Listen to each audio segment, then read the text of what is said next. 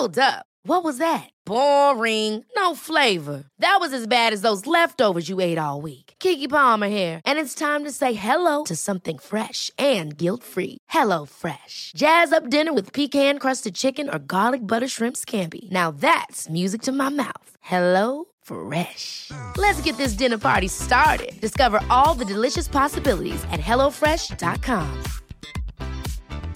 I'm Sandra, and I'm just the professional your small business was looking for. But you didn't hire me because you didn't use LinkedIn jobs. LinkedIn has professionals you can't find anywhere else, including those who aren't actively looking for a new job but might be open to the perfect role, like me.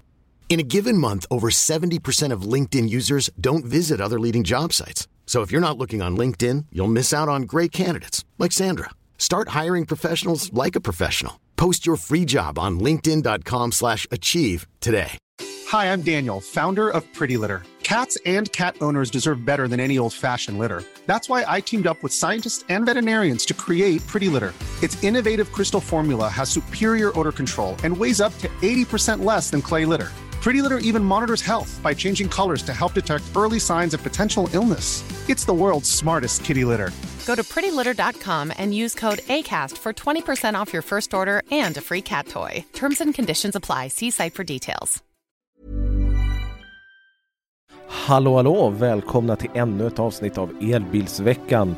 Idag befinner jag mig på sydligare breddgrader än normalt och har konstaterat att min poddkollega Peter Esse har ljugit för mig om vilket fantastiskt väder man har här nere i Malmö. Ja, men vi tog ju en grill igår även om det var kallt. Ja, det var med jacka och filt. Det var med eh, jacka och filt. Och eh, Däremot på dagen där eller på eftermiddagen så eh, var det väl ändå solen sken när vi var på Refill laddplats på elbilsträff. Så var det. Det var ju faktiskt skinande sol när jag väl kom ner på plats med Ja. nytvättad bil som jag hade sett till att komma med Ja, såklart. just det. Nej, jag hade inte tagit det så långt faktiskt. Den var rätt skiten. Men jag hade ju en grå, eh, grå bil med mig så att den, det syntes inte så mycket. Precis, det var ju inte en elcykel. Vad var det för bil? Nej, jag be beklagar att inte jag kunde visa upp min tyska elcykel. Men eh, det blev en annan tysk bil, eller en annan tysk elcykel som går lite snabbare. Och det var då en Audi E-tron GT som jag höll på att recensera. Och eh, det är ju en bil som behöver recenseras på ett visst sätt. För det där är ju bara en endaste stor rullande 40-årskris. Ja, utan tvekan. Ja. Därför vill jag ha en. Japp. Den, eh, jag ska faktiskt här och nu erkänna att jag, jag, jag, jag ber så mycket om ursäkt och jag, jag skäms över det. Eh, och det är okej att, att skriva familjeliv och sådär men, men jag, jag gillar det artificiella motorljudet i den. Jag är ledsen men det är så härligt. De har gjort det så otroligt bra. Alltså det är så töntigt. Men, det, men det, det är så bra. Alltså, jag tycker inte att artificiella ljud sådär, jag har ju något eh, som ska låta som något så virtuellt V8-ljud i min Mustang men Okej, alltså ja. nej det, det blir inte bra. Och sen så kommer man till E-tron GT, gärna utanför bilen och man bara Ja. ja tack. Ja, tack. Ja. Det roliga är att inuti bilen så hörs det också hur det mullrar på lite när man gasar iväg. Ja. Eh, Men det som jag tycker är häftigast är eh, när eh, jag stänger av bilen och öppnar, öppnar dörren. Då hör man det där dun, dun, dun, dun. Det där Audi-ljudet som är i reklamfilmen då. Eh, och eh, ja, det är inte okej det här liksom. Man håller på att förändras till någon eh, som egentligen vill bo på autobahn. För den här bilen, den, den, jag sa det att den här bilen får ju inte lagligt köras under 120. Det kan jag tänka mig. Och den får ju i det här landet inte heller köras över 120 så att säga. Så den är inte gjord för svenska marknaden. Ja, den är ju gjord, den har en växel och det är 120 km i timmen här va? Har den inte två växlar? Ja, den har... Just den här har Stat, den har det. Nej, eh, så är det. Nej, men eh, det är klart att eh, den, den här bilen ska tas ner också på autobahn. Inte just denna varianten. Men jag ska ta ut RS-versionen sen som är ännu Eh, ännu mer. där, har du, äh, där har du nog över 40-årskrisen. Då är du bara rik. Och eh, sen ska ta ner den på autobahn och köra, testa eh, just för att eh, nu ska den här, en ny bil ska ner till Nederländerna och testa Tesla-laddarna där och se om vi kan få ut 800 volt från dem. Eh, för det kan vi ju inte. Och eh, just det här med 800 volt och 400 volt och så och Tesla-laddarna det ska vi komma till lite senare här i, eh, i avsnittet. Eh, ni kanske också hör att det är ett visst ljudskillnad här. Kanske till det bättre. Eh, för vi sitter ju då i står upp i samma studio här i Malmö. Det gör vi. Och det är ju trevligt. Eh, om vi hade kunnat göra det alltid. Jag vet inte, hur ser du på att komma ner varje fredag till Malmö? Gick det bra att köra? Jag, jag ser begränsningar. Det gick bra att köra. Ja. Flöt på riktigt bra faktiskt. Mm. Eh, två stopp bara. Så, så så här. Men eh, att pendla för en timmes podd, det behöver vi nog diskutera. Hur, mycket, hur många Pro-medlemmar behöver vara in här? Eller Premium eller Teknikveckan Plus-medlemmar då? Eh, som man numera kan bli så slipper man höra reklam. Ja, det är en arbetsdag ner och en arbetsdag upp. Just det. Så att, eh, två Ett- arbetsdagar då. Ja, så det, är ett, det är ett gäng, gäng eh, medlemmar som behöver komma in här. Eh, jag tror det kostar eh, en sådär 20 kronor va? Strax under. Strax under. Anledningen att jag säger tror är för att av någon outgrundlig anledning när man aktiverar det här så är priset på 15 kronor exklusive moms. Eh, och eh, jag är ju där, jag är tyvärr inte alls eh, så snabb i huvudräkning. Va? Så jag kan lista ut det vad det blir. Eh, för just huvudräkning eller icke huvudräkning det är en annan sak som vi har suttit och räknat på här. Nämligen vad kostar det egentligen att köra eller att ladda elbil? Och det är också det vi då ska prata om primärt i det här avsnittet. Men Kristoffer, dagens nyhet när detta spelas in då, fredagens stora chock, det är att Tesla lyckas då sänka sina priser igen. Är det lika stor chock den här gången verkligen? De har sänkt priserna, absolut. Men det, skulle, det är inte alls lika mycket som förra gången. Nej, så är det ju. Och den stora nyheten dock är ju att nu kan vi få en Tesla för under en halv miljon, en Tesla Model 3. Eller kan vi det? 497 500 står det på listpriset va? Ja. Går Det att låter ju köpa? bra. Ja, det låter bra. Men går det att köpa en Tesla för 497 990? Det står ju det, alltså det, det är så man tolkar det om Ja. man går in och tittar. Sen om man läser det finstilta så är det ju alltid någon eh, extra kostnad som tillkommer, eller hur är det? det är ju det. Alltså, vi skulle ju kunna avrunda det till 498 000 och få göra det enkelt. Va? Men tyvärr så måste vi liksom avrunda det lite till då. Eh, genom att eh, om vi väljer att köpa en Tesla Model 3 eller vilken annan Tesla som helst. Då åker vi på ett i destinations och dokumentavgift på 9180. Då är ju tyvärr priset 507 170 000 kronor. Det är alltså mer än 500 000. Det är lite synd att de inte lyckas ta sig in under den här halvmiljongränsen. Men det är ju fortfarande jämfört med liksom vad elbilsmarknaden, hur den ser ut så skulle jag ju säga att det här är ett bra pris. Det, eh, Tesla Model 3 Standard Range är ju en fantastisk bil också egentligen. Finns ingen som helst anledning att köpa någonting annat i den prisklassen. Nej, alltså tyvärr. Intressant att jämföra med till exempel Volkswagen ID3 här nu ju. Som ju är ju Volkswagens billigaste elbil. Eh, om det, i, i, I modern tappning i alla fall. Eh, jag vet inte, säljs i upp fortfarande? Det är väl det som är... I det, Tyskland säljs den väl. Ja, det gör det. Såldes den väl ett tag men Ja. i Sverige hann den aldrig komma igen så att säga. Ah, okay. Eh, och de, de börjar då på eh, 479 900, alltså 480 000 då. Dock så får vi kan vi köpa den för det priset. Det är inga tillägg här då. Eh, och, eh, eller tillägg är det ju, för det är ju massvis med tillägg eh, på just eh, ID3 för att få upp den då på samma, samma eh, olika eh, lullull som finns i eh, Model 3 då, Teslas och sådär. Eh, så att eh, det där är ju otroligt eh, svårt att eh, matcha från Volkswagen. Men det är klart att det finns ju, eh, det finns ju naturligtvis det finns många anledningar att köra en ID3 istället för en Model 3. Och det är väl framförallt jag tänker då på bagage. Eh, inte så mycket bagageutrymmet som bagageluckan. Model 3s sedanvariant kräver ju ändå ficklampa och förstoringsglas för att hitta någonting. Så är det ju. Medan ID3 är ju mer så här bagagelucka upp och så. Då om vi, om vi vill maxa en, eh, om vi vill maxa en eh, ID3 så finns det massvis med saker att lägga till då som gör att vi kommer upp i långt eh, högre pris än så. Bara interiörpaket plus med svart ram runt infotainmentskärmen är namnet på den. Eh, då är det liksom eh, helt plötsligt så eh, krävs det då för framstolarna ska eh, bli eh, elektroniskt inställda i lä- stora längsled och höjdled samt rygg, ryggstödsanslutning massvis med saker som kommer där. Och sådär. Så det, det är ju det, det, det är totalt två olika bilar egentligen. Eh, det, det, är, det ena är för det första en sedan och det andra är ju en, ja, en ID3. Kan man Apropå sedaner, vill du höra något roligt? Ja. En eh, BMW 320D. Ja. Diesel BMW Sedan 3-serie. Eh, det skulle man ungefär kalla en Model 3-storlek. Liksom. Mm. En naken sådan, vet du vad den börjar på i pris? Jag vågar inte ens. 477 000 Ja, kronor. ja. Då lägger du till 30 000 så har du en eh, Tesla Model 3. Ja. Och då är ju Teslan har ju den all utrustning redan från början. Då Vi ingår har ju- munghållare också. Då ingår munhållare, precis. Till skillnad från BMW där man ska börja plussa på med massa paket och det. Så att vi kommer ner i pris. Så att Tesla gör ju, det- jag tycker det här principiellt åt eh, skogen eh, när det kommer till eh, att man inte är ärlig fullt ut med priserna på det sättet. Men eh, ur det stora hela så gör man ju så himla mycket rätt här. Och eh, vi kan väl konstatera att eh, Tesla på flera sätt och vis är bilvärldens Ryanair.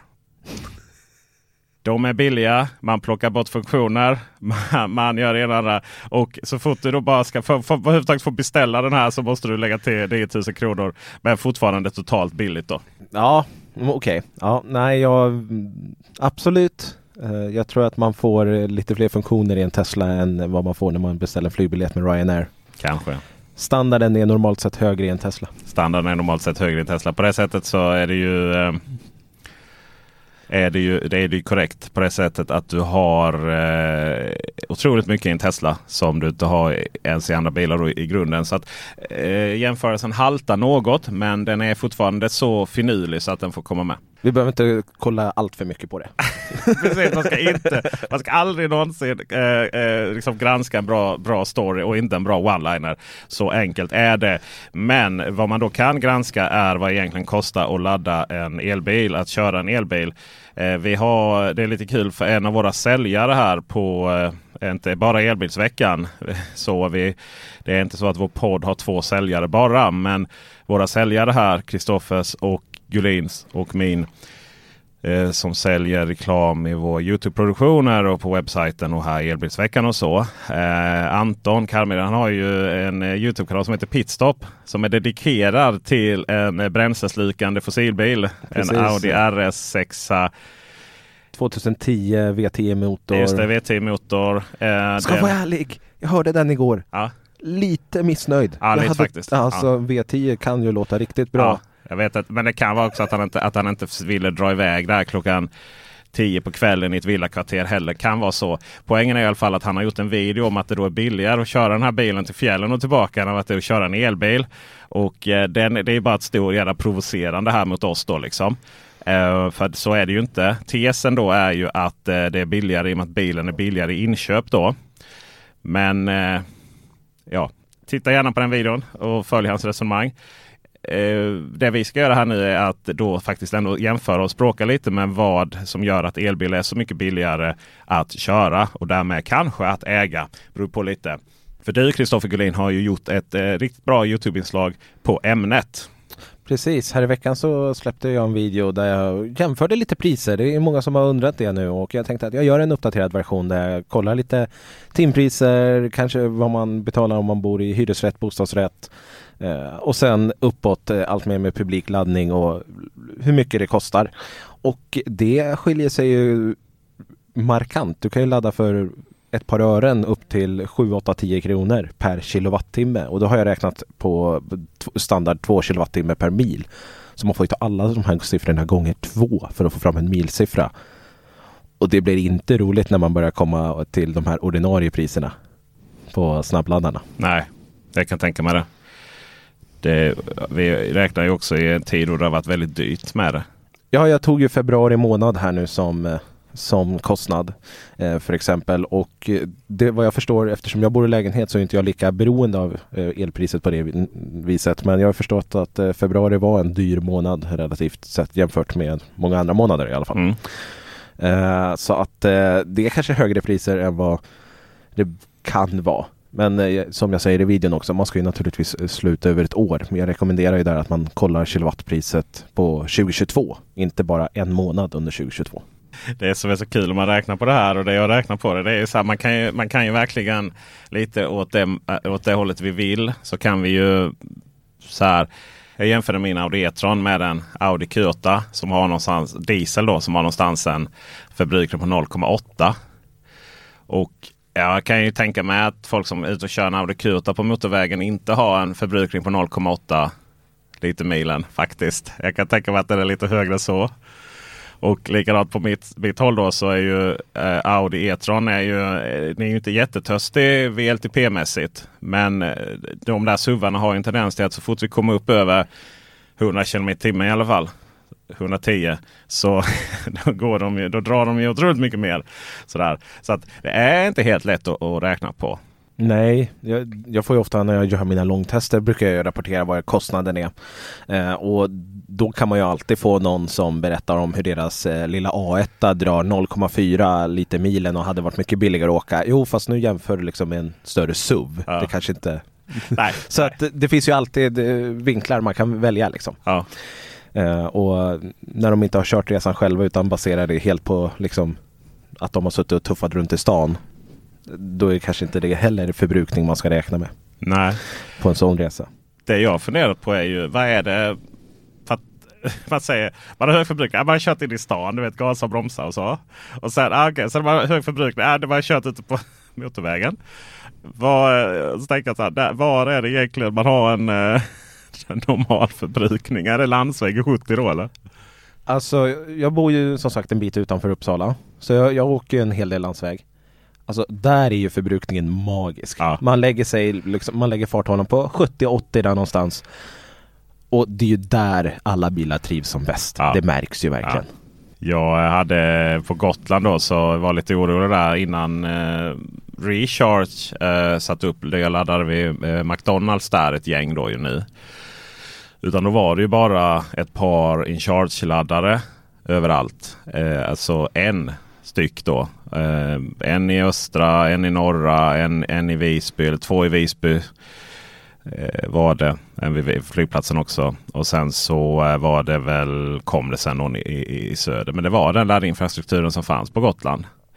Och eh, det var ju, var ju det var ju köer där ofta och då, då hade vi ju det här med att man bara fick stå en halvtimme också. Mm. Eh, men i slutändan sen när jag räknade på det, vad jag hade förbrukat. Få köra runt på 70-väg i Gotland i 23 grader. Alltså jag hade ju inte ens förbrukat en, en hel, ett helt batteriladdning eller vad man ska kalla det. Jag hade inte förbrukat dem runt 90 kilowattimmar som batteriet har till slut. Däremot så var, jag tror jag nämnt innan i podden, däremot så hänvisar jag då till, till min familj då. Där vi var, alltså, vi var syskon och eh, mina föräldrar och eh, mina sy systrars eh, familj och sådana saker också. Då, då är man ju i ett läge där man kör och laddar väldigt ofta av andra anledningar. För lite, få lite egen tid och så. Eh, men, eh, men wow, jag var så förvånad liksom hur den där bilen, nej, det, det gick ju så, så bra. Och vi ska strax prata lite med InCharge som är de laddarna som primärt då fanns på Gotland och finns på Gotland. Eh, med då undantag nu att Recharge, det är alltså två olika bolag. De är, de är nära de namnen, det får man ju Ja. säga. Men, men Re- Recharge är då Fortum eh, grundat från och eh, finska Fortum. Och InCharge är då bildat av svenska Vattenfall. Eh, men innan vi går in på det så vill vi ha lite hårda, kalla siffror här från Kristoffer Gullin. Ja, men alltså jag tänkte att jag skulle bara nämna lite det här med timpris som är ju väldigt stort och det är ju där du kan göra den absolut största vinsten när du har elbil. Eh, och eftersom jag inte har timpris, eh, min brorsa som jag brukar använda som exempel eftersom han bor i hus, han har inte heller timpris. Eh, så att då kollade jag med några följare på Instagram och, och fick... Vilken utmaning här att ta fram de här datan. När man är, ja. Ja, nej men eh, man måste ju få in den på något vis.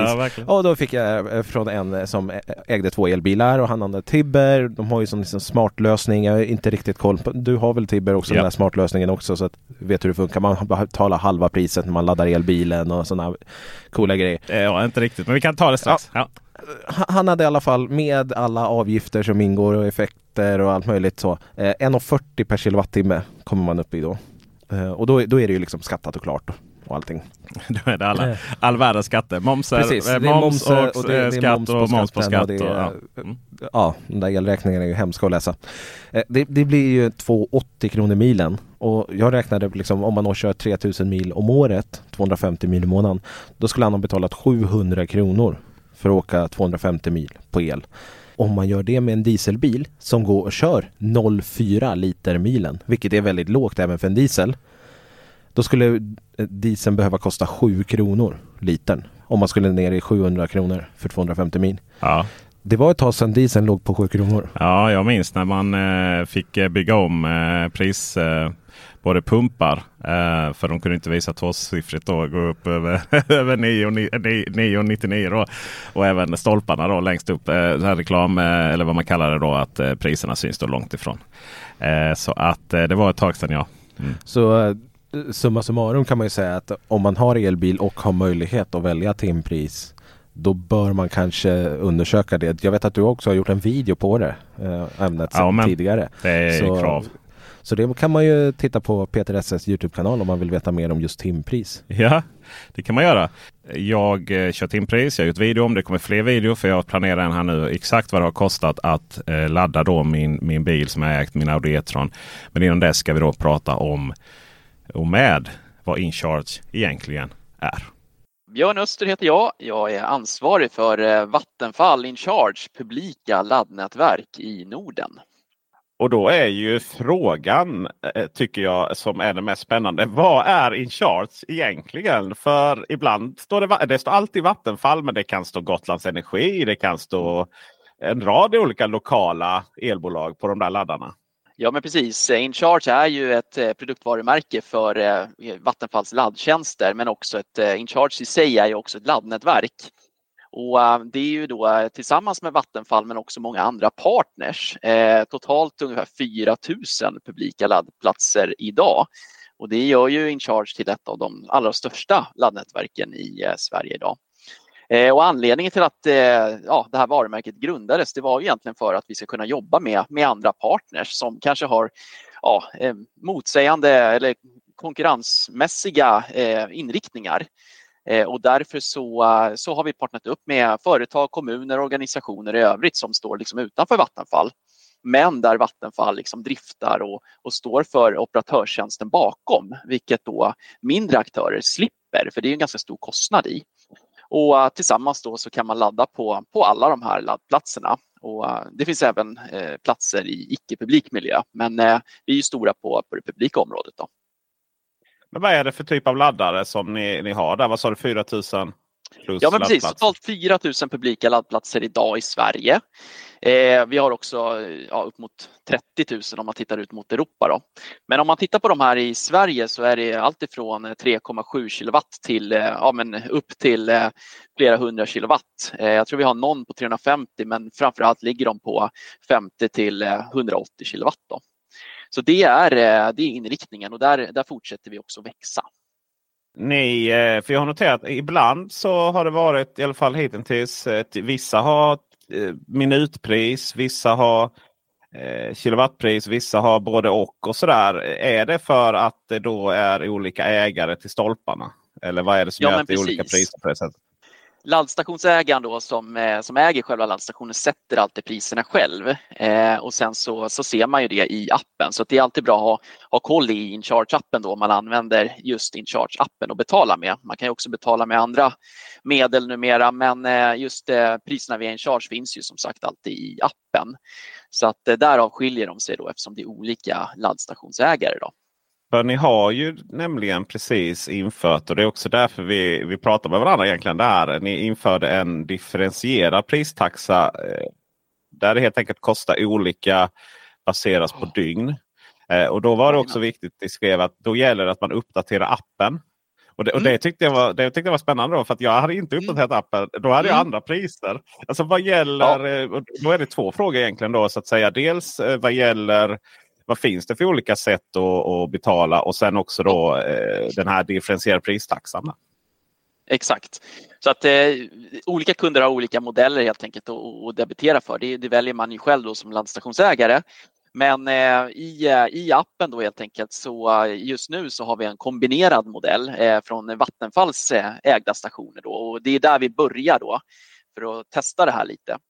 Eh, och då eh, betalar man huvuddelen med kilowatt per kilowattimme och sen så eh, just nu ska jag säga en, en mindre minutkostnad också på, på DC-laddningen och det har att göra med att vi vill få rotation då på, på de här platserna.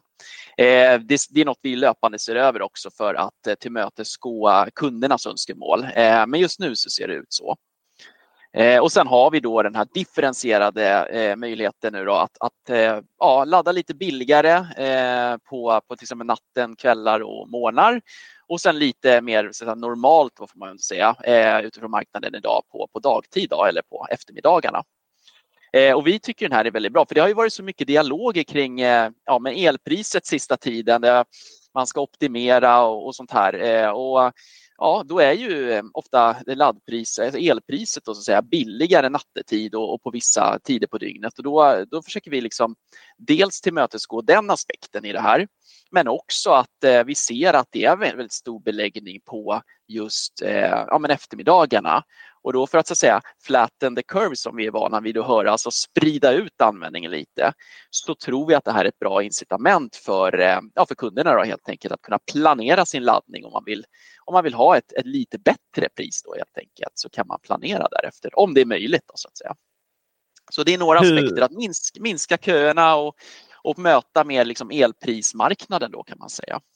Finns det någon korrelation där med att ni är Vattenfall? Jag tänker Vattenfall är en ganska stor nätägare. Eller är det liksom ja. ni själva på Incharge som har, som har tagit intryck av den allmänna? Ja, men vi försöker ju sätta, alltså, målet är att möta liksom kund, kundaspekten i det här till att börja med. Sen finns det ju såklart mycket dialog i Vattenfall, mycket kunskap om just den här elbiten. Så att elnätsbiten och liksom att, att, stim, alltså att flatten the curve är också bra för elnätet om man tänker från det perspektivet. Då. Men det är framför allt för att bemöta efterfrågan helt enkelt och att minska köer och, och göra det lite liksom, eh, Eh, enklare så att säga, för konsument då, då, om det är mycket kö på en eftermiddag. Då, säga.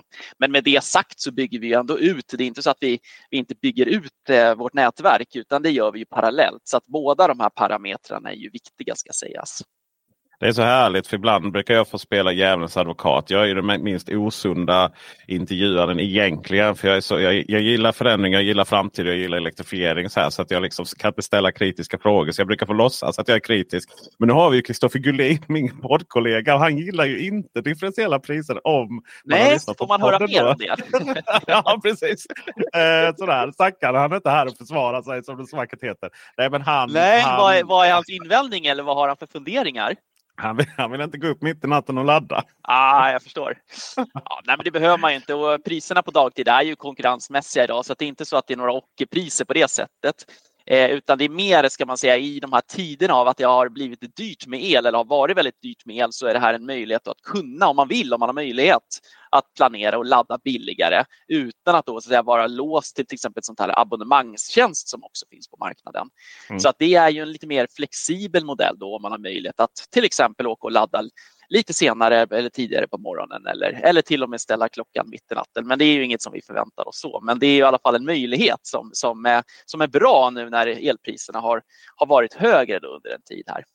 Men precis. Um, hur, hur är det då? då? Då sa ni att ni började med detta på era egna. Ja. Uh, alltså in charge som tillhör Vattenfall själva. Men är det, då, är det ändå fritt fram sen för övriga partners att implementera det? Ja men precis, vi måste börja någonstans och det här är en ny utveckling. Vi förväntar oss att det här kommer bli mer vanligt på marknaden också. Eh, jag ska väl säga att det, vi har ju ganska mycket, vi har en ganska incitamentsinriktad modell generellt som vi kan erbjuda både på Vattenfalls egna stationer och ute hos våra kunder. Eh, och det är ju en, eh, någonting som vi tror kommer, kommer öka eh, också när man ser på till exempel Ionity och andra stationer där det kanske är precis tvärtom. Det är, det är, det är kanske brist snarare på incitament och det blir väldigt mycket, ofta vissa tider på dygnet, köer då. Så att vi tror att det här kommer eh, sprida sig och i vårt egna kund, kundkrets här då, så tror vi också att det faller det här väl ut och då kommer vi också att bredda det till, till, till möjlighet för, för, våra, för våra partners. Då. Men vi börjar ju någonstans så att vi, vi får testa det här först eh, på, på de här Vattenfalls eh, snabbladdare. Då. Precis. Om vi avsluta med att prata just relationen partners och Vattenfall egna där. Mm. Är, det, är det alltid sam, startar man igång laddarna på, alltid på samma sätt på alla partners och Vattenfall? Eller kan partners ja. ha egna avtal också? Eh, hur menar du starta, starta igång? Eh, Nej, men till exempel, med eh, tjänsterna? Ja men precis, till exempel Easy Park eh, fungerar ju så i alla fall på ja. de incharge jag provade. Och ja. Funkar de alltid på alla incharge-laddare? Alltså, har ni det, separat, eh, det centrala avtalet eller kan det vara olika på olika orter? Nej, men alltså vårt mål är ju att göra det så enhetligt som möjligt för att det, det, det underlättar för alla. Liksom. Eh, det är svårt som elbilist att veta om en tjänst funkar där men inte där. Så vår, vårt mål är att det ska, ska, vara, ska vara likadant överallt på, på den publika sidan. Då. Eh, sen så är det vissa juridiska grejer och, och vissa utvecklingssteg i det. Eh, men redan idag så är nästan alla tjänster likadant överallt så att det kan man utgå från. Eh, så, att, eh, så att ja, eh, det, det ska vara enhetligt. Hur ser framtiden ut nu? Jag antar att ni fortsätter bygga ut. Ja. Vad är det för, är det, är det framförallt Ja, vad är det som behövs egentligen? Jag tänker så är det framförallt snabbladdare som behövs eller är det lite, lite sådana här AC-laddare, huller och buller? Vad är, vad är det som ja, utöver då nej, men, som efterfrågas? Ja, nej, det här är en väldigt spännande fråga och, och vissa aktörer ser det väldigt svart på svart och vitt. Man håller bara på med det ena eller bara med det andra. Men vi är ganska breda och vi har en, en, en blandad kompott då, både inom Vattenfall och med, med, med partners. Då. Så att eh, vi tror att det kommer behövas olika typer av laddning i olika miljöer. Så att den, frågan är ju mera alltså, vilken miljö ska ha vilken typ av laddning. Och Vattenfall har ju ett eh, långt samarbete med till exempel Max Burgers då, så vi bygger ut nu eh, löpande med, med Max då helt enkelt. Det kommer ju ploppa upp okay. fortsatt också nya ja. sajter eh, där. Då, då. Vad är det som eh, vad är det för typiskt laddare man behöver utanför en hamburgerrestaurang? Ja men precis, frågan är väl snarare hur lång tid tar det att äta en burgare? Ja men exakt, och, det är det jag funderar på nämligen. För att, ja. Eh, man hamnar ju ibland läget att, att jag, jag kör det nu och så, alltså det, tog ju, det tog sju minuter att ladda den här bilen fullt. Ja. Liksom. Eh, herregud, då har jag inte ens hunnit prata eh, klart med den bredvid liksom, om bilen som jag har för närvarande. Och sen, och sen får jag då flytta bilen för att kunna sitta, äh, käka sig en halvtimme. Så, så, så vad är liksom den optimala laddhastigheten för att hinna äta upp sin hamburgare med familjen? Liksom? Ja, men precis. Det får man nästan fråga Max om. Men, men det, det, som är spännande är ju att vi ser att laddningen börjar nästan gå om, eh, gå om tiden det tar då så att säga äta en, eh, en burgare. Alltså att det, det går för fort helt enkelt att ladda. Och uh, det är ju lite nytt för förut har det ju varit precis tvärtom. Då. Så, att, uh, så att jag skulle säga att uh, man, man, måste verkligen titta på datan och se att laddningen matchar då så att säga aktiviteten som man håller på med. Och, och, ja, och där finns det aktörer som har väldigt snabb laddning som, som kanske inte alltid behövs i det sammanhanget men kanske i ett annat sammanhang. Och det är någonting som vi eh, följer väldigt noga för att eh, det är ganska jobbigt kanske för en, en, en ja, en kund till, till en hamburgerrestaurang och gå ut och flytta bilen mitt i, mitt i måltiden. Eh, men det är olika strategier också från, från operatörernas sida såklart. Ja du Kristoffer, där fick du en liten släng av mig. Det var inte meningen att skicka dig under elbussen. Uh, ja, alltså, jag kan tycka att jag blev lite, det var lite missvisande också för det är, mitt största problem det är egentligen det här minutpriset. Just det. Varför är det viktigare att uh, jag som har köpt en dyr bil och kan ladda snabbt får billigare pris än om man har köpt en Kia Niro EV eller en eh, Peugeot 2008 eller vad det nu är för bil. Det finns ju väldigt många bilar som inte laddar så snabbt. Och eh, Alltså vi pratar CCS-laddning. Då, då får man ju reda på procenten i bilen. Lägg på ett minutpris efter 70 procent eller 80 procent eller någonting sånt. Inte direkt från start. Det tycker jag är straffavgifter bara. Du eh, vidhåller den ja. Och eh, ja, det var en eh, bra fråga eh, och hade kunnat ställa då. Även om svaret naturligtvis hade varit att eh, vi väljer att ha den här lösningen då. Mm. Är det inte i slutändan så kanske att det också minskar kilowattimmepriset lite? Antagligen så gör det det.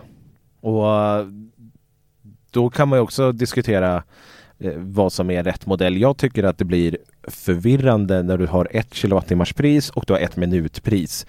Eh, det är mycket enklare att bara, det här är vad produkten kostar. Om jag ska fortsätta klaga på InCharge, nu har ju som sagt inte han här att försvara sig, men ja, de hänvisar till sin app för där finns alla priser tydliga. Jag håller inte med om att det är tydligt när det är två olika priser på det här viset. Eh, jag håller inte med om att man ska behöva använda sig av en mobilapp för att få reda på priset. Det ska stå direkt på laddstationen. Jag kommer inte acceptera någonting annat. Det har vi som en uppföljning då eh, där vi egentligen bör kolla med alla eh, laddoperatörer hur de ser på det där. Vad är det som händer i framtiden nu med eh, priser så på stolparna? Just att ladda för mig har ju varit egentligen bara koppla in och hoppas på det bästa. Lite så. Man är nog att jag aldrig någonsin har laddat på Ionity för 8 och 70 liksom. Men, men annars har det varit lite så här. Jag får ju ladda där det finns. Och jag har räknat ut här eh, och jag har utgifter från på då en Audi E-tron 55. Det motsvarar egentligen Audi Q8 E-tron 50 i förbrukning och, och sådana saker. Alltså det vill säga när Audi E-tron uppdat när Audi uppdaterade Audi E-tron med lite ny, ny, nytt ansikte och lite lägre förbrukning och så vidare och nya motoralternativ. Då blev gamla Audi E-tron 55 eh, samma batteri och lite sådana saker som eh, nuvarande 50 även om den inte riktigt har den har inte så kallad boost mode. Det vill säga att man kan inte lägga in en, en högre växel då. Eller vad vi ska kalla det. I vilket fall som helst så eh, har den då eh, hög, lite högre effekt på motorn. då eh, den nya. Men, men utöver det så är det denna eh, förbrukningssiffrorna här som, som vi eh, ska prata om. Och eh, jag har laddat den på tre olika ställen. Hemma naturligtvis. Med timavgift. Jag har laddat den på Ionity. Alltid Ionity eh, när jag är ute och kör. För att då har jag då Audi Charging. Eh, heter det? Audi E-tron Charging. Är det så att du eh, till och med är beredd att ställa dig i kö även om det finns en ledig laddare? No för tre, ja, ja. För, för att ladda för tre och... Ja. Tre du betalar hellre i och tid 30. då än i pengar? Ja, alltså jag hinner ju ändå. Så du vet det ska filmas så herregud. Men det har jag, jag liksom aldrig varit i några köer att tala om heller. Eh, så för att eh, det här jag har aldrig hamnat i den här. Eh, Det var ju någon gång i typ när det var billigare att ladda på stan än hemma i Malmö. Då, Eh, då var det ju köer ute. Men då var det ju lite så här. Då var jag inte på väg någonstans utan då var det bara att stå där ju. Då fick man se Honda E ladda med typ 10 kilowatt. Liksom. Då hade du önskat att det fanns minutpris där? nej, nej det, var, det var gott snack. Men eh, på stan eh, på, eh, under två år så har jag laddat på Ionity för 6, eh, 6 141 kronor. Och detta inkluderar månadskostnaden sen efter första året 6 141 kronor. på stan. Ja. Vad gulligt. För någon som eh, alltid laddar publikt. Alltid. Nej, jag laddar, ja, ja, ja, ja, för dig ja, som alltid laddar publikt. Ja, nej, det är, ju, det är ju provocerande som bara den. Just InCharge då, som vi precis har intervjuat, eh, är eh, fem, 560. Jag blir väldigt förvånad att det var så lite. Men jag så här, du vet, det, det här har man ju så här, det är Gotland då som jag har kört på. 70 kronor, 97 kronor, 3 kronor, ja, 68 kronor, 11 kronor, 10 kronor, 70. Alltså det, är så här, det är ju några här där jag, där jag nu har krånglat med laddningen och sånt. Men eh, 569 kronor då. Hemma så eh, då har bilen, vi hade ju den över, över alltså totalt två år över tre år så att säga. Så vi hade bilen från 2022 till i, precis i början av 2023. Och då laddade jag över två år för hemma för 3448 kronor. Har du antal kilowattimmar som du har laddat också? Ja, jag har laddat eh, 3634 kilowattimmar hemma. Och eh, det kan ju, kan ju då någon som är riktigt, riktigt snabb räkna ut vad, vad det innebär. Så jag har haft hemma har jag haft en eh, avgift för att ladda bilen på hu- 1,36 eh, kronor per kilowattimme i, i du skakar på huvudet. Nej, jag, jag, jag blir så provocerad. Jag blir så avundsjuk. i eh, 2021 då. Och sen så 2022 så gick det upp där. Men detta är alltså under det rekordåret det har varit som dyrast. Eh, då, men då lyckades jag faktiskt pressa det ner till 1,88 kronor per kilowattimme. Och eh, här nu i början av eh, 2023 då, så gick det ner till 1,22. Detta är alltså inklusive nätavgifterna. Så detta är ju eh, det- det jag betalat till Tibber då var ju i 1,13 kronor per kilowattimme under 2022. Medan eh, det är då 0,47 till Tibber under 2023. Sen är nätavgiften har varit alla år då eh, 0,75 kronor per kilowattimme. Och det exkluderar månadskostnaden. som vi har för 16 ampere då. Den månadskostnaden är densamma oavsett förbrukning. Så den har jag haft utan elbil då. Eh, om vi vill ha någon form av ja, vill ha ström hemma så att säga. Vi vill ha lite effekt då så att vi kan vi kan, eh, höll på att säga, värma vattnet. Men det gör vi inte med ström utan vi har fjärrvärme. Vi har det väldigt bra. Totalt sett så har jag kört 4150 mil och betalt 10 158 kronor för detta. Ja, mina vänner. I februari så hade jag räkningar, drivmedelsräkningar på närmare 5000 kronor. Ja. Jag snittade 3,74 kronor per kilowattimme. Mm. I mars här nu så var det 4,18 kronor per kilowattimme som jag snittade.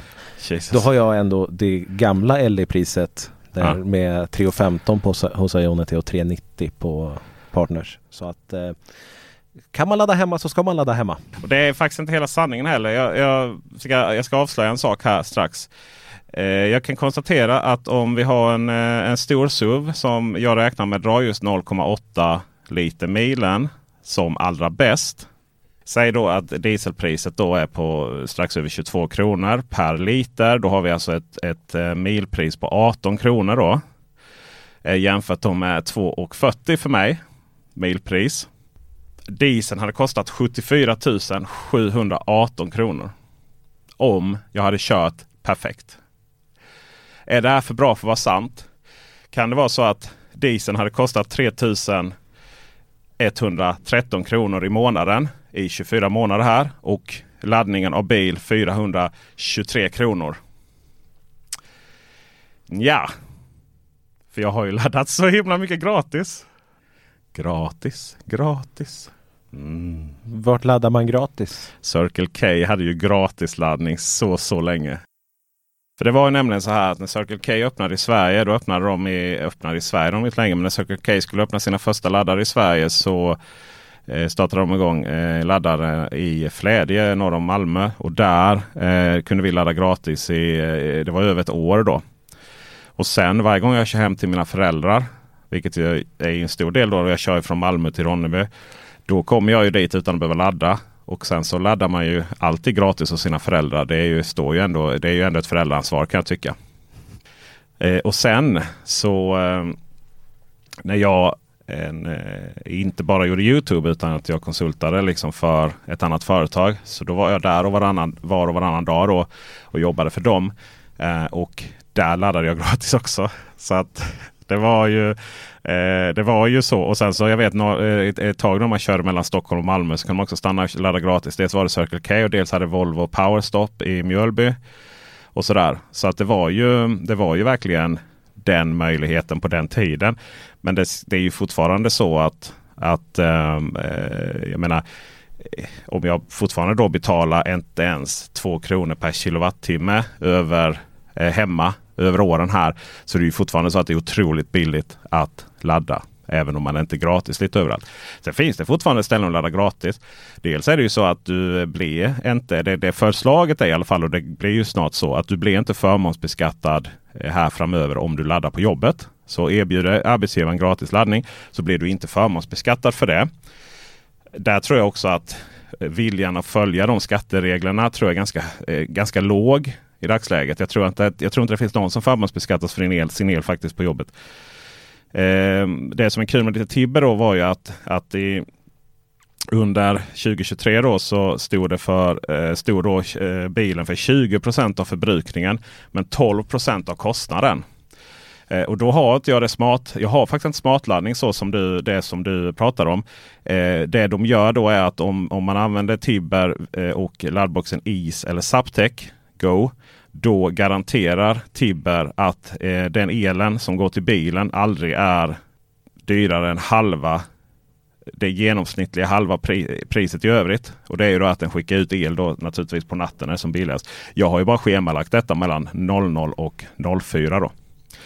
Eh, och därför så har jag då fått ner priserna så bra. Jag vet när det var som absolut dyrast här nu för i vintras. Då lyckades jag typ ladda de fyra nätter då det inte kostade massivt. Utan då var de nere där på så här 40 öre igen då.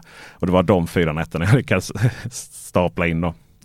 Så att eh, det, det, är ju kul med laddning av elbil. Vad jag vi, tror jag vill försöka komma till här är ju att jag att man kan välja själv mer än med en fossilbil på ett helt annat sätt. Och du till exempel Kristoffer har ju, har ju tagit tag i situationen att du måste ladda på stan genom att engagera dig i din bostadsrätt. Så att det byggs laddare där. Så är det. Och det är, bor man i bostadsrätt och vill ha laddare då ska man ju naturligtvis eh, om inte bara skicka in en motion men att eh, man också tar en plats i styrelsen. Ja, det, där har vi det. Själv är bäst. Have catch yourself eating the same flavorless dinner three days in a row? Dreaming of something better? Well, hello fresh is your guilt free dream come true baby. It's me, Gigi Palmer. Let's wake up those taste buds with hot, juicy pecan crusted chicken or garlic butter shrimp scampi. Mm. Hello Fresh. Stop dreaming of all the delicious possibilities and dig in at HelloFresh.com. Let's get this dinner party started. Hiring for your small business? If you're not looking for professionals on LinkedIn, you're looking in the wrong place. That's like looking for your car keys in a fish tank. LinkedIn helps you hire professionals you can't find anywhere else, even those who aren't actively searching for a new job but might be open to the perfect role. In a given month, over 70% of LinkedIn users don't even visit other leading job sites. So start looking in the right place. With LinkedIn, you can hire professionals like a professional. Post your free job on linkedin.com slash achieve today. Hi, I'm Daniel, founder of Pretty Litter. Cats and cat owners deserve better than any old-fashioned litter. That's why I teamed up with scientists and veterinarians to create Pretty Litter. Its innovative crystal formula has superior odor control and weighs up to 80% less than clay litter. Pretty Litter even monitors health by changing colors to help detect early signs of potential illness. It's the world's smartest kitty litter. Go to prettylitter.com and use code ACAST for 20% off your first order and a free cat toy. Terms and conditions apply. See site for details. Den eh, gäller i bostadsrätter. Men hur ska laddplatser egentligen byggas? Det här är ju spännande. Tesla Malmtorp öppnade upp i veckan med, med inte över utan exakt 40 laddplatser. Det är alltså Sveriges största laddplats och alla får ladda. Alla ska med. Men vad händer egentligen om alla laddplatser är fulla? Tesla Supercharger version 3 då som det handlar om. Klarar ju att ladda max 250 kilowatt så det är ganska mycket. Så då ska vi alltså ha 40 stycken Audi E-tron, eh, Tesla, eh, Porsche Taycan och så vidare eh, som kommer dit. Om vi ska ens komma upp i 250, eller? Ja, Audi E-tron kommer inte upp i 250 för det första. Nej, Nej. och det gör inte Taycan heller. Nej. Så då är det alltså 40 stycken Teslor som ska rulla in där. Ja, eh, Polestar 3 eh, klarar ju det då. Ja, fast den finns inte. Eh, Volvo EX90. Ja. Det finns inte heller riktigt ännu.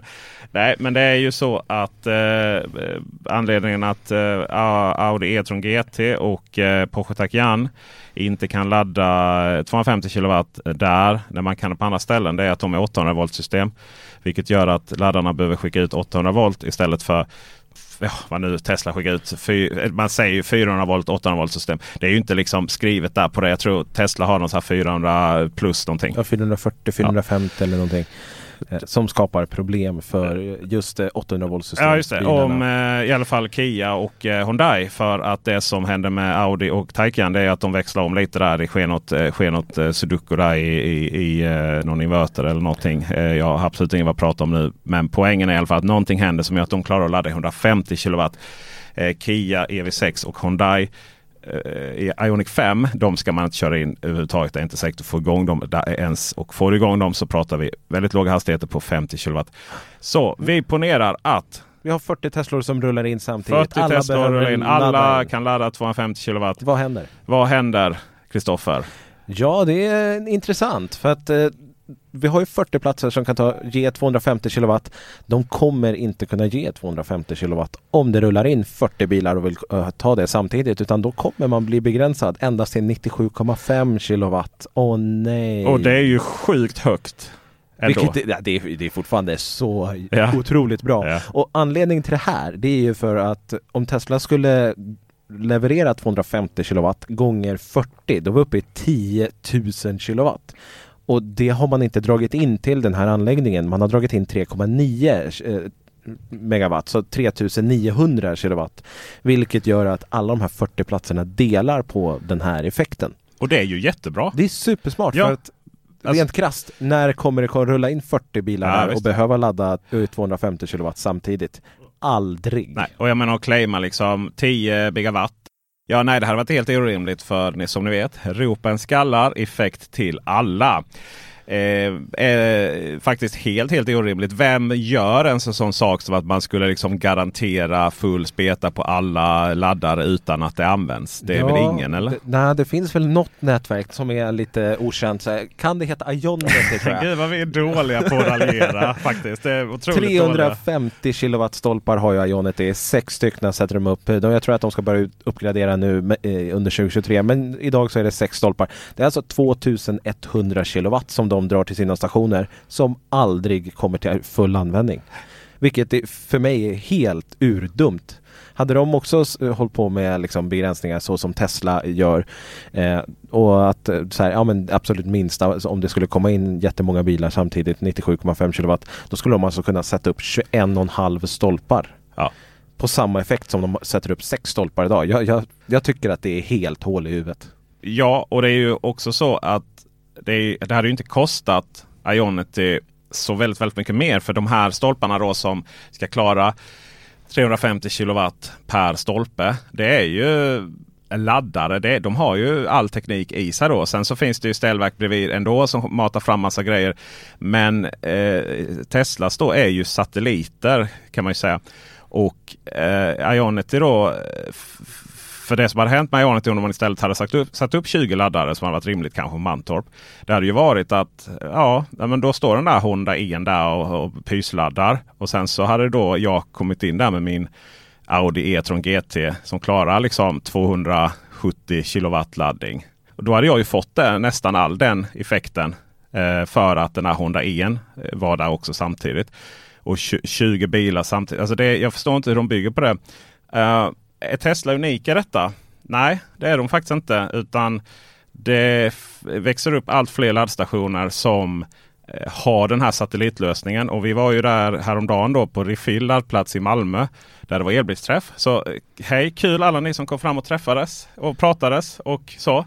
Han du äta någon korv eller de? Tans, nej. Nej, de hann plockas undan innan jag ens hade hunnit tänka tanken. nej, precis. Runt Deras station är ju fantastisk att jämföra med just Ionity. Ja, För de har ju dragit in 2000 kilowatt i sin anläggning. Yes. Sen har de ett batteri på 2000 kilowatt också som de kan använda sig av. Japp. Och så har de 22 laddstolpar. Så det är precis det här som vi pratar om.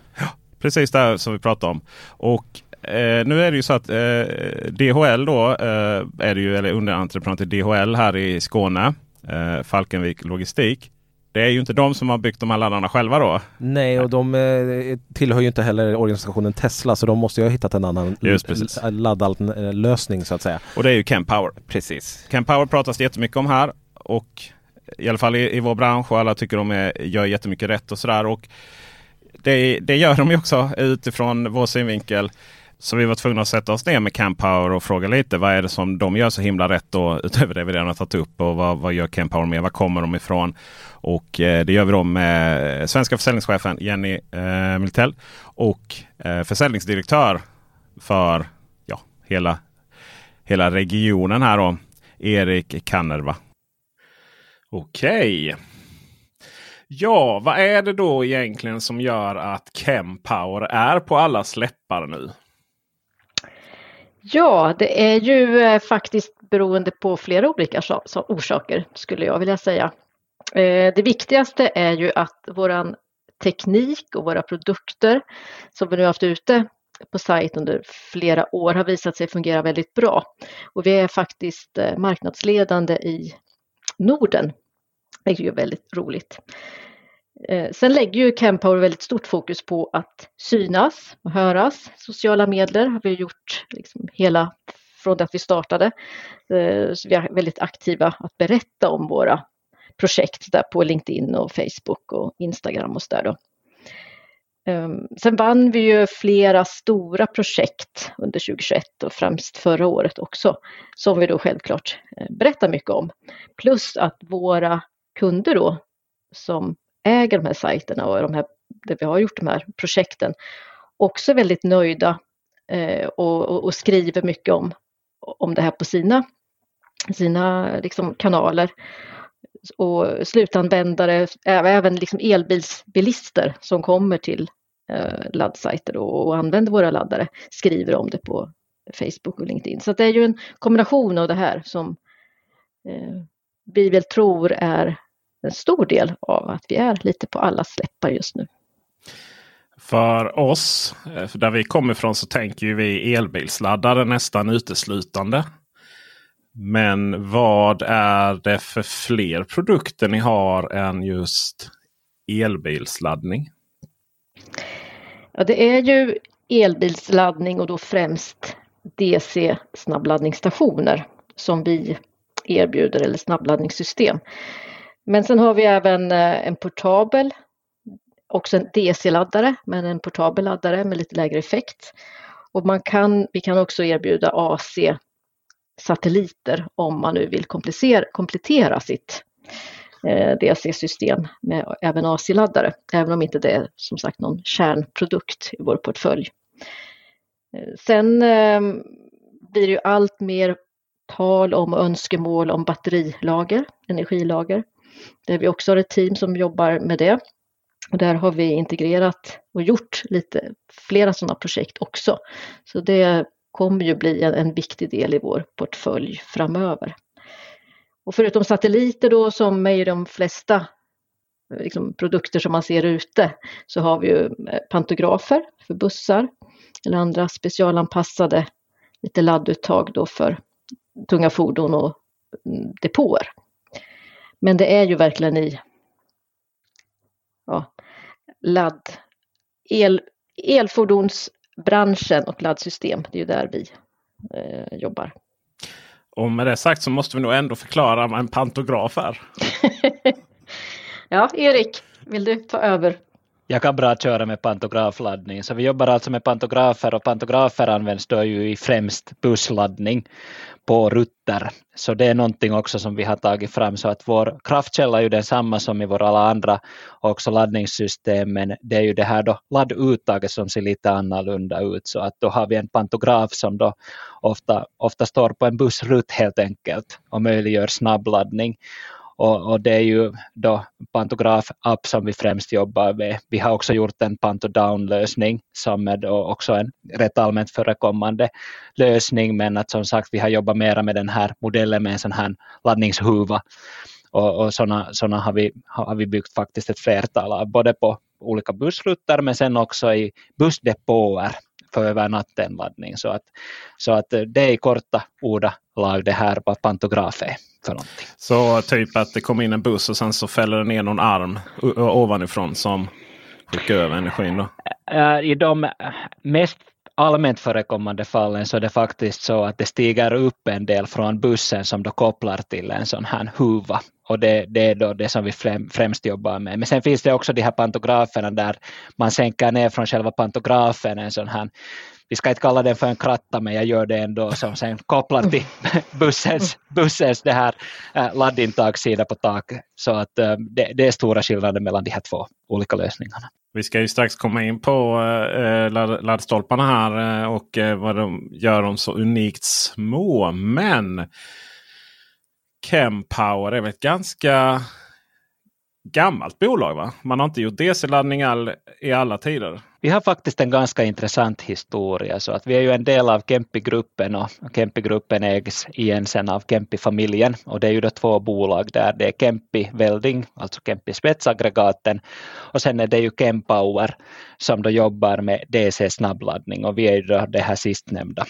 Och, och den tekniska bakgrunden är ju jätteextensiv, alltså den, den ligger ju 70 år tillbaka i tiden då bröderna Kempi startade upp det här då med spetsaggregatstillverkning. Och det är ju på de spåren vi går nu. Så att kraftkällorna och, och tekniken i sig så har ju många, många synergier faktiskt med, med då elbilsladdning. Och bolaget i den tappning som vi ser den idag, så den etablerades ju då i slutet av 2017 då bolaget registrerades vid Handelskammaren i Helsingfors. Men våra riktiga affärsaktiviteter så påbörjades ju då i början av 2018. Och historien bakom ligger ju i det att Kempi äh, så undersökte ju många år och studerade huruvida man skulle kunna utnyttja all den här kunskap som man då har skaffat under 70 års tid av att framställa då världens bästa svetsaggregat och kraftkällor, men att sen konvertera det här till att bli världens bästa DC-snabbladdare.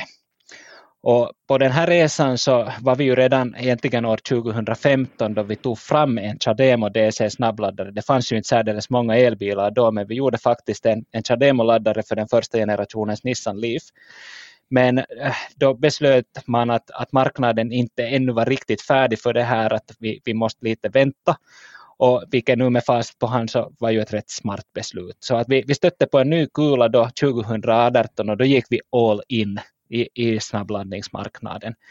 Och hos oss så är det ju kvalitet och tillförlitlighet som är kärnan av allt vi gör. Och det som är ganska delikat för oss är ju det att det är elbilsförare som planerar, utvecklar och tillverkar all den här utrustningen som vi tar fram. Så att vi har egen erfarenhet och sen det att vi, vi kör och laddar med, med då våra egna bilar och laddar med våra egna laddare runt om året 365 dagar i alla typers väderlek. Så det är ju det här egentligen som ligger som grund för att vi får en första klassig användarupplevelse där. där. Och, och det är ju den här användarvänligheten som ligger i fokus. Och vår vision är ju att skapa världens mest eftertraktade elfordonsladdlösningar för alla runt om i hela världen och vi är nog på god väg där faktiskt idag. Ja, i vilka länder finns ni? Vi finns faktiskt i flera länder idag så att vi har ju ett sådant upplägg där huvudkontoret och fabriken så ligger ju i Lahtis i Finland så det är ungefär 100 kilometer då norr om Helsingfors. Och Lahtis är ju en känd finsk äh, industristad Äh, med, med långa anor. Äh, Men sen har vi säljbolag i Stockholm, sen har vi ett i Oslo, sen har vi ett i London äh, och i Paris, Barcelona, Amsterdam och sen till och med i Milano. Och I Finland så har vi dessutom kontor i Helsingfors och Tammerfors, varav då Helsingfors är främst för de som jobbar i huvudstadsregionen och eventuellt för möten om vi har då kunder som kommer på en så att säga snabbis till Helsingfors med flyg till exempel. Men sen den här Tammerfors-helheten eh, så jobbar ju först, först och främst med produktutveckling och där har vi ju sen också nära samarbete med då lokala universitet och högskolor. Det här samarbetet är oerhört viktigt för oss också. Eh, det som är också intressant är ju att vi har levererat laddare till alla fyra kontinenter nu i dagsläget, så att vi, vi är en definitivt global aktör. Och Det här är otroligt spännande för då undrar man ju om det finns en korrelation mellan hur stor elbilsflottan är och hur stor marknad ni har. Så Jenny Mittell, eh, är Sverige den största marknaden? Ehm, jag skulle vilja säga att eh, Norden har ju hittills varit eh, en stor marknad. Norge vet vi ju alla är ju väldigt stora. Har de har ju legat i framkant under flera år. Sverige kommer ju absolut ehm, i, i, i, stark frammarsch, och, men faktiskt även övriga Europa också skulle jag vilja säga, övriga Centraleuropa. Så att, eh, men Sverige är absolut en jätteviktig marknad och det händer otroligt mycket här. Det gör det.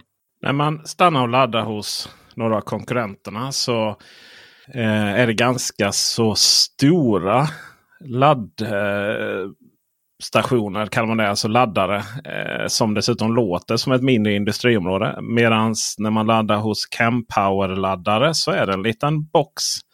Som ibland är, som är, ja, den är mindre än AC-laddare.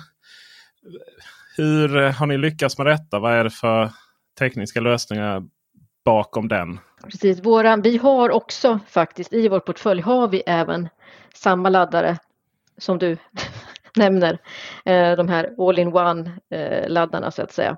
Men det vi, de laddare som vi främst säljer och som vi eh, liksom oftast förordar skulle jag säga som passar bra. Det är ju de här distribuerade systemen där vi har separata kraftskåp med all kraftelektronik och sen de här satelliterna då och det gör ju att det blir ett väldigt eh, liksom luftigt intryck. De, de, är ju väldigt små och ja, stilrena och eh, ger ju inte, har inte alls något stort footprint.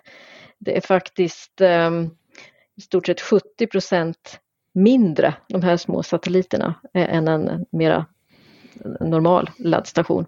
Så de är ju mycket mindre. Eh, och de här kraftskåpen då kan man ju koppla till totalt åtta ladduttag. Åtta enkelsatelliter eller fyra dubbelsatelliter. Och kraftskåpen kan man placera upp till 80 meter ifrån satelliterna. Så det som då det, det gör ju att det blir en, en, en tyst sajt som du säger för att kraftskåpen då som där all kraftelektronik och så vidare finns, det står ju en bit bort. Eh, så att man upplever det verkligen som en, en liten laddsajt och flexibel då. Eh, och ehm, det här gör ju att man kan placera satelliterna på trånga utrymmen där det finns väldigt lite plats för de, i och med att de är så små. Och de är också väldigt fördelaktiga om man är eh, rullstolsburen. För dels så kan man komma åt alla funktioner via sin mobil telefon oftast, alltså om man eh, laddar ner operatörernas appar eller att man bara kan skanna av en QR-kod som finns på vår display så kan man sköta i stort sett hela sin ladd eh, session från sin mobil då, förutom att självklart stoppa i laddkabeln eh, då i, i bilen.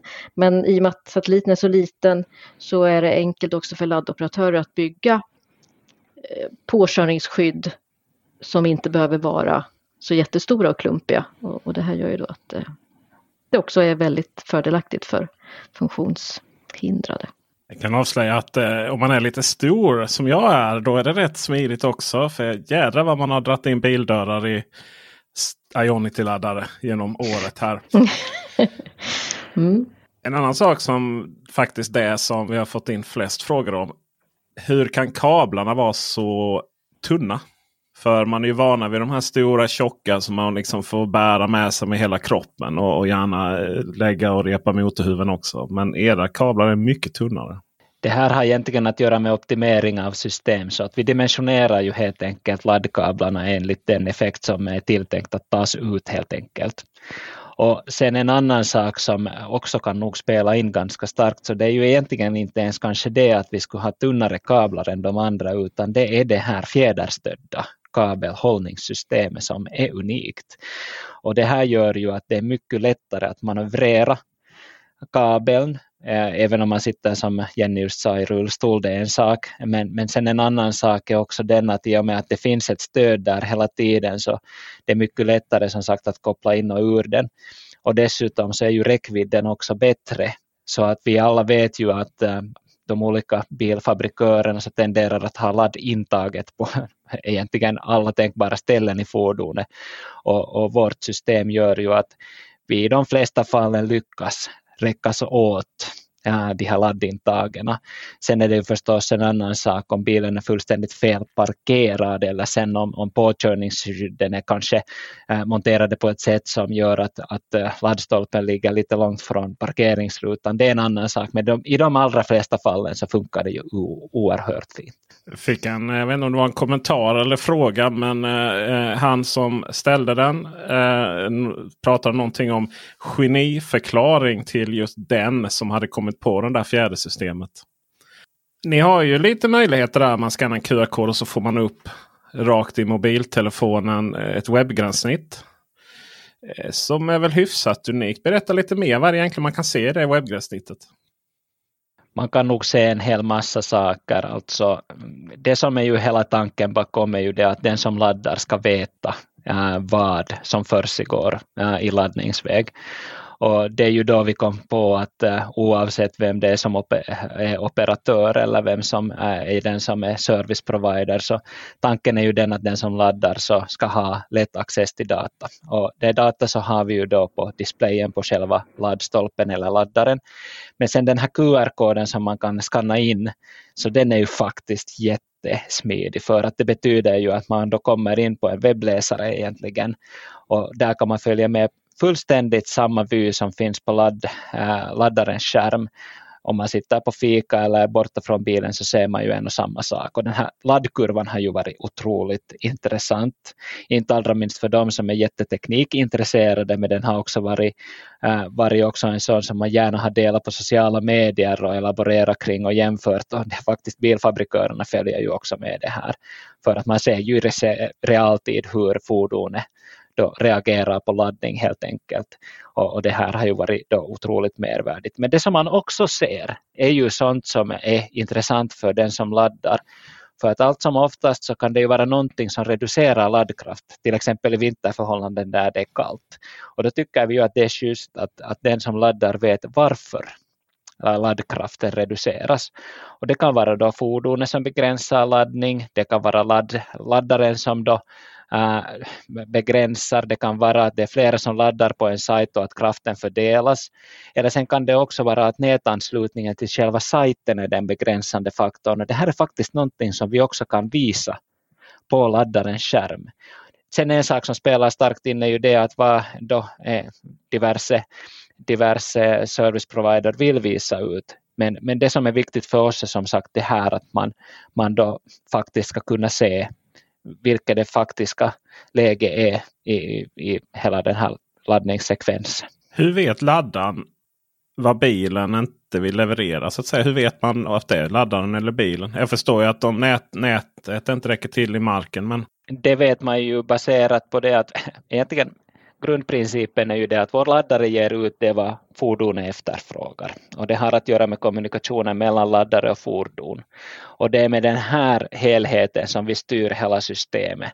Så att det är ju den här kommunikationen mellan laddaren och fordonet som styr hela laddningen och också hur vår dynamiska kraftfördelning fungerar. Och det som är ju fint hos oss är ju att vi har en väldigt bra resolution i systemet så att det är ett 25 kilowatts block som vi jobbar med i de här olika laddsystemen. Och, och, det här är ju också oerhört fördelaktigt för de som laddar så att om vi tänker på en sån här sajt med till exempel åtta ladduttag och att där är åtta bilar kopplade så alla de här olika fordonen är ju då i olika stadium av laddning. Någon kan vara nästan fulladdad och en annan är med helt tomt batteri. Och, och då är det baserat på den efterfrågan som de här olika fordonen har som vi kan fördela den här kraften och då får alla, alla en stor nytta av det här helt enkelt. Alla får någonting och, och vi kan anpassa den enligt då det behov som finns i den bilpark som laddas på sajten. Att betala för sin laddning är, är ju bra eh, så att säga så man inte smiter. Nej, skämt åsido, eh, det går inte att sätta igång annars. Men det har ju varit lite diskussioner. QR-koder finns ju då. Det finns ju appar. Eh, Betala, alltså faktiskt att betala med sitt kreditkort har ju kommit stort på sistone. En liten retro-revansch höll jag på att säga. Eh, vad erbjuder ni för lösningar där? Vi har ett flertal olika lösningar. Alltså du har rätt i att det finns ju en massa olika upplägg. Vissa tror du fortsättningsvis starkt på, på de här laddtaggarna så att säga. Det är en grej. Men, men betalkort är ju nog eh, starkt på G så att säga. Eh, det som man kan beställa från oss direkt så det är ju Peter-lösningar, eh, Peter och Peter Apollo. Den stora skillnaden är att Peter Apollo har då den här keypaden, men där är det ju lite då marknadsspecifika variationer i vad som krävs. Uh, vissa räcker det med att man har då till exempel NFC uh, då kontaktlös betalningsmöjlighet, men vissa vill att man också kan verifiera med, med Keypad, så att vi möjliggör ju egentligen det här då båda. Men sen har vi ju gjort ett flertal integrationer till laddoperatörer, så då är det ju sådana här då, äh, moln-till-moln lösningar som har gjorts i bakgrunden och sen är det ju betalapp som används.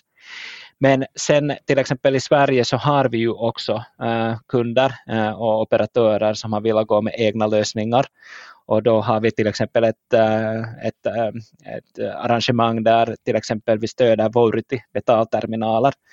Äh, där har vi till exempel då elmacken i Gislaved och sen, sen har vi ju också då Refillad-parken i Malmö som använder sig av den lösningen.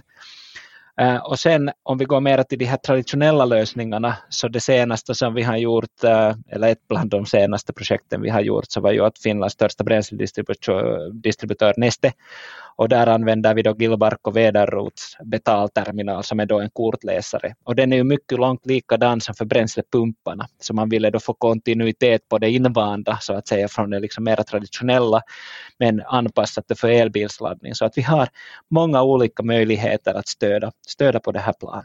Vi stannar i Malmö tycker jag. Om jag vill eh, sätta igång här eh, en, en laddstation här på min uppfart. Eh, vem ringer jag då? Om jag vill använda cab power-laddare.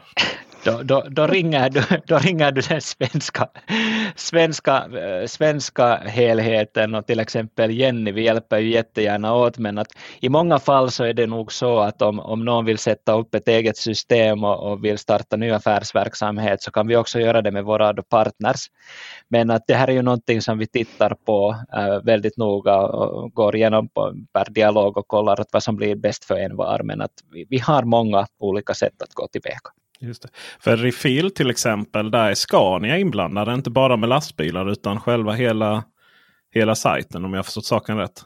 Det är alldeles sant så att det är ett samarbete och det är ju sånt här som vi också eh, är jätteglada över för att Ehm, det är ju med de här första stegen, första stora stegen som vi är med om att skapa det här nya normala så att säga. Och vi är ju fullständigt övertygade om att, att, eh, att elbilism och eltransport är ju det som kommer att härska i framtiden stort. Och, och, med de här olika samarbetena så får vi också flankstöd i att, att eh, helheten blir, blir eh, faktiskt en sån som folk kan tro på och också köpa som en ren idé. Vi vet ju här nu att eh, vi kan ladda i Gislaved, denna småländska metropol, Malmö eller utanför Malmö på refill. Men Jenny, om, om man vill uppleva Campower-laddare i Sverige, eh, vilka nätverk använder det idag? Recharge är ju en laddoperatör som eh, sätter upp mycket av våra laddare. Sen så kommer ju eh, mer också, eh, mer och mer, ehm, som också sätter upp våra laddare.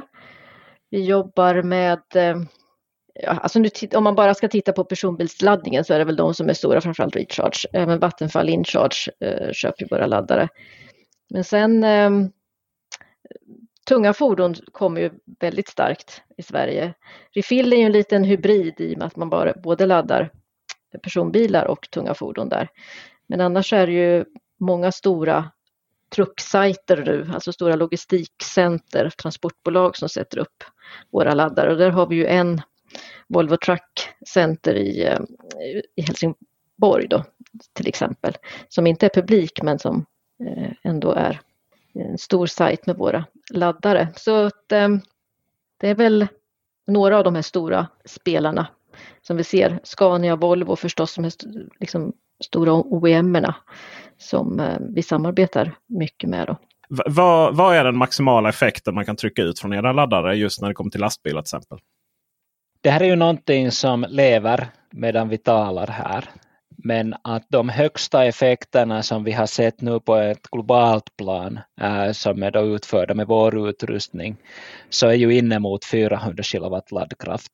Men det här är inte ännu äh, nödvändigtvis några långa laddningssekvenser men att eh, det är till de där effektklasserna som vi mycket väl kan äh, åka upp till. Sen är ju en annan fråga också vad som händer i framtiden och då är det ju megawatt charging system som är ju det härskande som, som då bedrivs av Sharin äh, helheten. Och, och, där ser man ju på ännu högre laddkrafter men att det här är ett eh, mer långtida projekt som tas då steg för steg eh, inom hela det här marknadsområdet helt enkelt. Och det här är ju oerhört intressant med tanke på framtiden och speciellt till exempel elektriska långtradare som kräver eh, mycket snabb laddning på långa rutter. Vi har pratat om bilar. Vi har pratat om lastbilar. Ni laddar även båtar, eller hur? Det gör vi, det är alldeles sant. Så att det här marina är ju starkt också på gång. Och, och de största första stegen så har vi ju tagit faktiskt i Norge eh, där eh, vi har samarbetat med Ivoi eh, och Plug. Och där är det ju faktiskt så att världens snabbaste elektriska ribbåtar laddas idag med våra laddare längs med fjordarna. Och det är ju också sådana här hybridsystem så att eh, en laddstolpe så ligger ute på bryggan och laddar då snabbgående elektriska ribbåtar och sen den andra satelliten laddar elbilar så att det här är nog eh, eh, en jätteintressant marknad. För att inte sen tala om de här större applikationerna, bara vi då har olika typer av färger och olika typer av fartyg. Men, men det som vi nog ser komma starkt är också också elektriska fritidsbåtar. Och eh, ett gott exempel var att vi var på Helsingfors internationella båtmässa nu i våras här.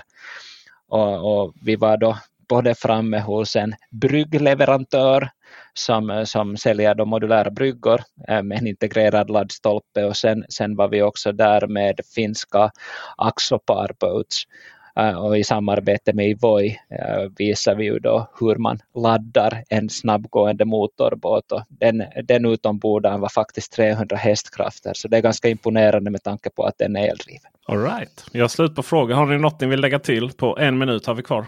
Nej, alltså det som jag skulle vilja framföra är ett varmt tack till, till hela vår äh, svenska användarskara, användarskara då av el, elbilister och, och, och, allt det fina som, som eh, de har kommit in med i form av feedback. Och, och, och, och, som sagt, vi, vi är jätteglada åt alla de samarbeten vi har inom det här marknadsområdet och all feedback är också väldigt, väldigt välkommen.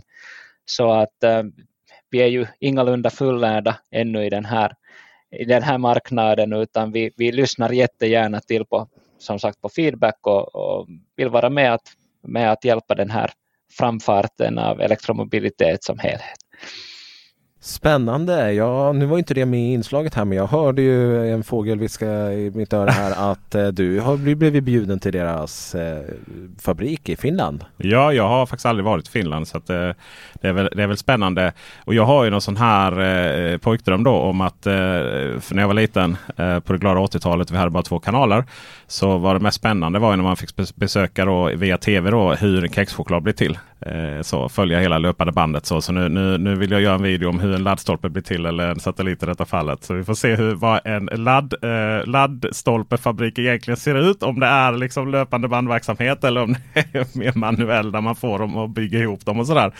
Eh, för det, laddstolpar kan ju innehålla väldigt mycket teknik ibland man har sett och ibland så är det syns det inte så mycket sådär. Så det ska bli spännande att se. Det ser vi fram emot verkligen. Ja, och med det så är det här avsnittet till ända.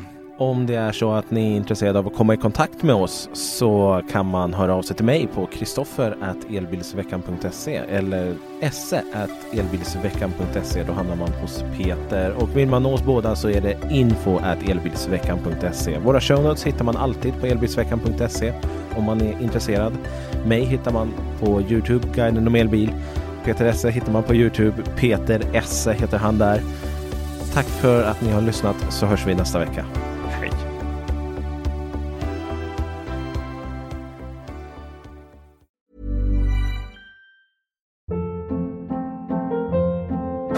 Hold up. What was that? Boring. No flavor. That was as bad as those leftovers you ate all week. Kiki Palmer here, and it's time to say hello to something fresh and guilt-free. Hello Fresh. Jazz up dinner with pecan-crusted chicken or garlic butter shrimp scampi. Now that's music to my mouth. Hello Fresh. Let's get this dinner party started. Discover all the delicious possibilities at hellofresh.com.